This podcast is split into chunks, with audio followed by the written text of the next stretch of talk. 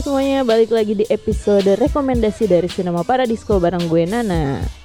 Kali ini gue mau ngelanjutin rekomendasi tontonan dokumenter musik yang uh, jadi lanjutan dari episode sebelumnya tuh. Sebelumnya kan ada tiga udah gue rekomendasiin. Nah sekarang akan ada dua lagi nih yang akan kita bahas dan mungkin sebagian dari kalian udah nonton kali ya Karena ini lumayan hits waktu awal-awal rilis. Nah langsung aja yuk kita dengerin episode kali ini dokumenter musik di Cinema Paradisco Next ada um, yang baru banget rilis 2020 ini. Uh, Waktu itu rilisnya di Sundance Film Festival. Nah ini adalah Miss Americana. Sudah tayang di Netflix. Um, Ini adalah dokumenter musiknya Taylor Swift. Nah seru nih Taylor Swift itu juga termasuk apa ya musisi yang menurut gue dia strugglingnya panjang dan lama gitu ya. Gue tapi nggak menyangka sih sebelum akhirnya nonton apa namanya dokumenter ini. Jadi si Miss Americana ini uh, bercerita gimana si Taylor Swift beneran memulai uh, karirnya sebagai country music singer waktu dia masih di uh, Nashville Nah, cerita di awalnya sih dia cerita lagi dalam teleponan gitu sama seseorang, kita nggak tahu siapa, tapi habis itu dia langsung di flashback ketika dia pertama kali mengirimkan demonya ke Sony Music. Dan itu dia umurnya 13 tahun. Jadi tadi gue uh, sempat mikir ya pas nonton ini juga nanti kita akan melihat di dokumenter berikutnya. Ternyata emang perjalanan musik uh, seseorang yang susah banget itu bisa jadi emang se semudah itu gitu. 13 tahun kita ngapain sih gitu ya? Mungkin teman-teman yang uh, sekarang lagi dengerin 13 tahun tuh masih SMP gitu ya. Terus masih kayak lu main gak jelas sama temen. Nah ini beberapa musisi ini yang uh, strugglingnya mungkin sesusah itu untuk masuk ke industri ya dari umur segitu. Nih si Taylor Swift kenapa dia juga waktu itu menamakan albumnya Tertin dan juga manajemennya mungkin juga karena itu ya. Gue nggak tahu sih secara pasti tapi di film ini diceritain dia yang masih kecil banget terus dia perform kayak di kafe lah di mana bahkan uh, ya kayaknya kafe juga gak banyak yang nonton gitu. Dan dia tuh menulis semua lagunya dari zaman kecil itu. Bahkan ketika dia di interview di salah satu potongan di film ini dia bilang uh, oh iya gue tuh udah nulis sekitar 150 lagu lah gitu. Bahkan ada satu yang dia bilang ini lagu baru gue kelar tulis nih lima menit yang lalu jadi so, ya nggak tahu ya gue masih inget-inget uh, lupa-lupa salah-salah jadi dia nyontek lah sama tulisannya dia itu gitu. Dan tentunya nggak nggak mudah buat dia apalagi mulai dari uh, penyanyi country gitu. Gue sendiri nggak terlalu paham uh, politik industri musik yang soal pop atau country tapi ceritanya uh, Taylor Swift di sini menurut gue memang uh, dia kayak harus lebih panjang aja gitu. Ketika dia masuk Billboard chart uh, itu adalah Billboard chartnya country music gitu. Sampai akhirnya mungkin uh, kalau teman-teman inget salah satu kejadian memorable di dunia musik sekitar tahun 2009 2010 itu ketika uh, Taylor Swift menang Best Video of the Year. Kalau nggak salah dan Kanye West men-take over dia ketika lagi speech gitu. Dan gue baru tahu ternyata di situ dia umurnya baru 17 tahun. Dan ya apa ya kayak wah gila juga ya. Lo udah susah-susah terus lo ada di panggung itu ya itu belum mulai ibaratnya. Ibaratnya perjuangan lo belum mulai gitu.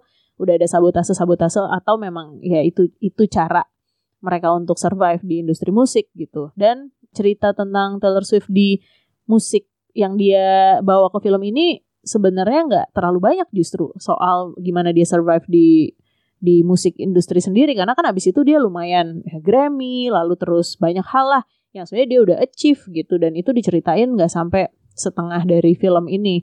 Tapi juga dia uh, sebenarnya curhat juga gitu. Kenapa nih media-media pada jahat sama dia uh, ya of course kalau kita lihat medianya juga media entertainment yang ibaratnya di sini mungkin kayak ini ya apa namanya infotainment gitu. Belum lagi dengan kisah-kisah dia dengan uh, pria-pria di luar sana ya, yang meskipun memberikan dia inspirasi tapi buat apa namanya buat industri infotainment itu jadi kayak makanan sehari-hari lah uh, untuk dia bisa di apa ya dicerca atau dicari-cari aja lah gitu. Nah sampai ada satu bagian yang menurut gue ini bagian dari vulnerability yang ditunjukin oleh musisi yang dia ceritain lewat dokumenter ini adalah uh, dia melihat dirinya di sosmed gitu. Ibaratnya dia keluar dari apartemen banyak orang yang fotoin dia fansnya atau paparazzi dan dia ngeliat kayak nggak normal banget ya. Ada orang nungguin gue di depan rumah gue dan foto-fotoin gue dan kalau misalnya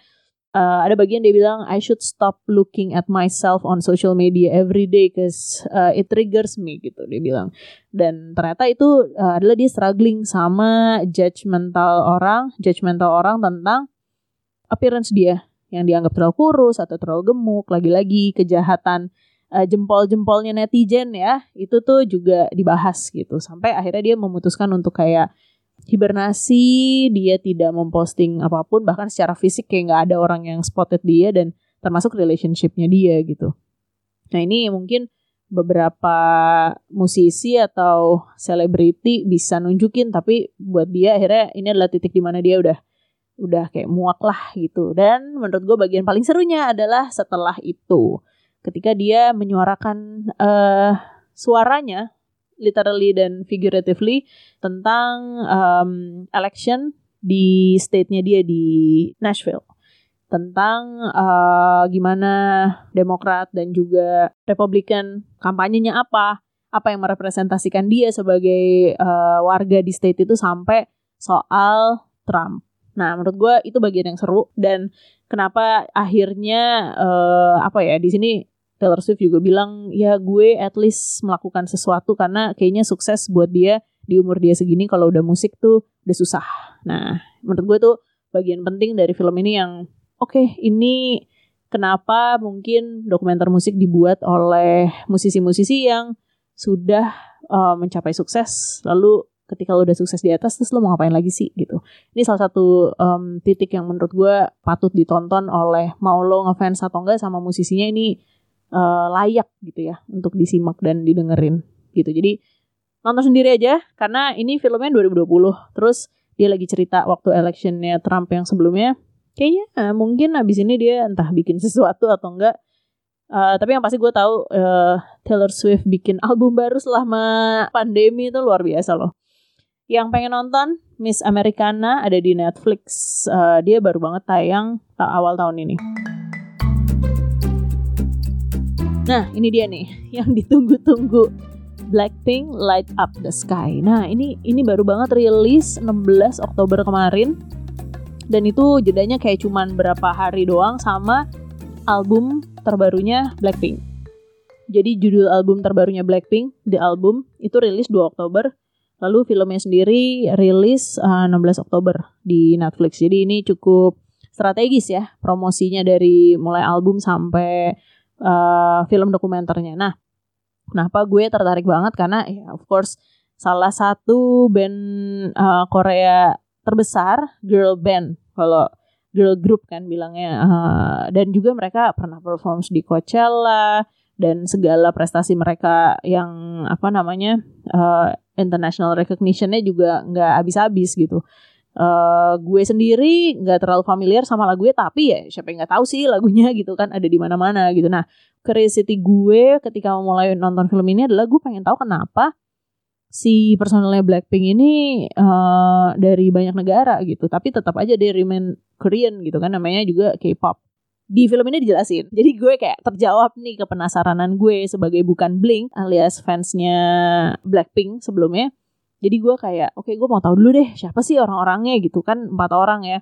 Dan itu mereka dari ada yang dari memang orang Korea terus ada yang pindah ke Australia dan New Zealand ada yang bahkan orang Thailand gitu dan niat. Karena memang ceritanya YG Entertainment sebagai agensinya mereka memang scouting atau auditioning ke negara-negara lain di luar Korea gitu. Tapi mereka semua akhirnya training untuk jadi uh, membernya ini sekitar uh, 4 sampai 6 tahun ya. Jadi kalau mungkin teman-teman bisa baca-baca atau nonton juga gimana sih sebenarnya idol group itu terbangun tapi salah satunya yang diceritain di film ini Blackpink ini uh, mereka di setelah di audisi trainingnya tuh dari ada yang mulai dari 2010 ada yang 2011 sampai mereka debut di 2016 gitu. Jadi debut itu mereka setelah training bertahun-tahun. Jadi selama uh, mulai training dari mulai mereka di, di audisi itu ya itu mereka latihan terus terus mereka dinilai dan bahkan diceritain juga Jenny di film ini bilang uh, tiap minggu mereka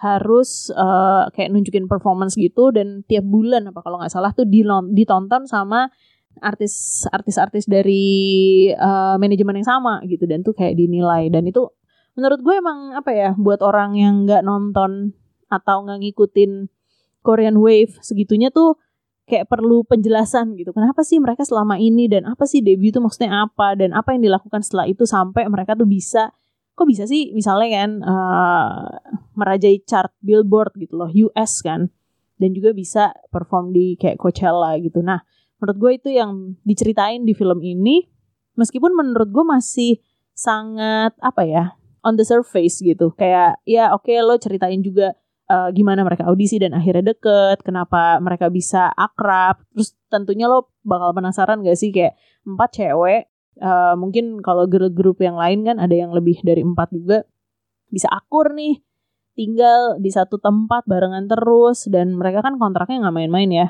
uh, panjang gitu.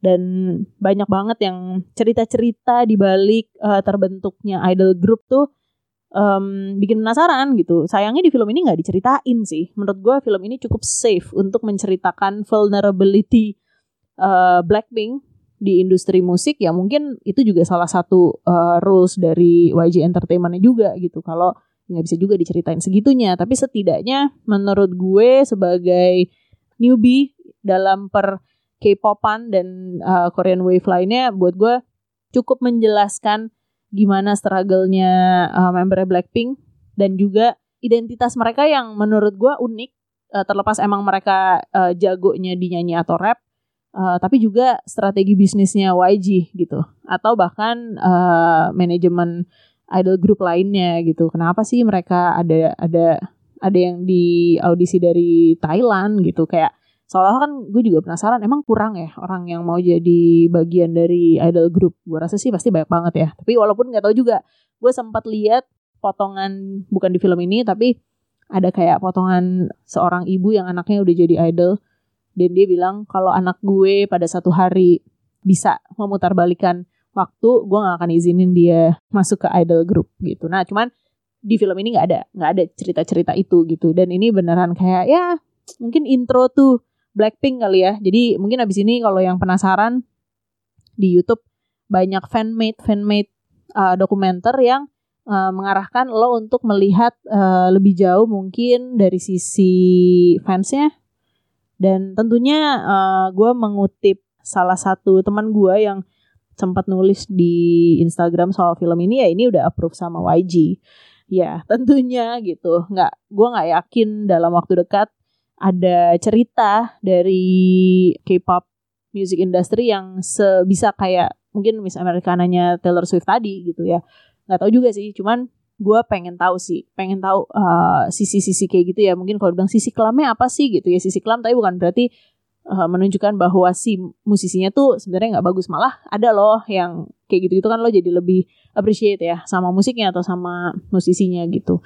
Tapi gue rasa hmm, kalau mau ditonton pastinya menurut gue lo perlu tonton karena ada satu bagian cukup mengharukan uh, ngelihat gimana kedekatan mereka berbeda sama band-band yang tadi ya. Misalnya uh, even musisi yang tadi mereka tuh sendiri gitu ya. Menurut gue serunya ngeliatin perkembangan idol group terutama yang datang dari Korea ini ngeliat mereka tuh berkembang bukan sebagai artis aja sebagai seniman aja tapi uh, sebagai entah saudara atau keluarga yang berkembang bersama tapi at the end of the day ini industri kan. Jadi mungkin kita nggak tahu kalau di tengah-tengah itu bisa bubar atau ya itu bisa disband gitu. Dan menarik sih gue pengen nontonin yang lain termasuk karena dari tadi gue udah nyebut-nyebut YG apa sih gitu. Nah ini kalau buat yang pengen sedikit mengenal K-pop industri lebih uh, di Netflix tuh juga ada namanya YG dia jadi uh, dok hmm, dokumenter nggak ya? Menurut gue sih nggak dokumenter juga ya. Karena ya dari cerita asli sih tapi nggak nggak ini nggak nggak dokumenter banget gitu. Judulnya adalah YG Future Strategy Office. Nah mungkin buat itu nonton ini sebelum uh, dokumenternya Blackpink rilis. Jadi lumayan ngeliat juga ada siapa aja sih di uh, manajemennya YG ini. Dan menarik buat memahami kekompleksan industri musik Korea ini. Gitu. Jadi itu uh, mungkin kalau ada yang mau rekomendasiin juga gue pengen banget tahu uh, dokumenter-dokumenter musik lainnya yang bisa ditonton uh, di platform-platform online atau terutama soal Blackpink nih kalau mau ngulik lagi karena gue penasaran. Sempat nemu di YouTube fanmade juga uh, mungkin kalau ada yang lain saya sangat tertarik untuk menonton itu. Nah bonus ini bukan dokumenter musik tapi dokumenter yang memang berkaitan sama musik karena dari tadi sempat nyebut-nyebut konser lalu juga Coachella, uh, festival musik dan film ini menurut gue patut ditonton. Uh, mungkin filmnya udah agak lama, sekitar setahun apa dua tahun yang lalu. Fire, uh, cerita tentang kekisruhan di balik mengadakan festival musik dan waktu itu uh, lumayan heboh karena menurut gue itu kayak membawa banyak nama orang di dalam dokumenter ini.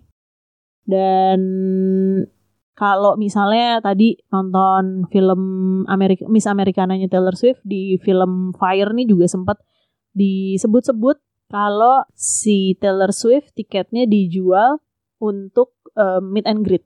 Uh, dan itu dijual mahal. Karena konon Taylor Swift nggak pernah meet and greet. Nah tapi di film Miss Americana dia konon eh nggak konon gue nonton dia bertemu dengan fansnya walaupun nggak tahu itu disebutnya apa. Tapi intinya adalah untuk memahami di balik ya, industri musik dan juga gimana produksinya ketika konser atau festival Fire ini dokumenter yang juga seru untuk ditonton itu ada di Netflix juga jadi semuanya bisa ditonton ya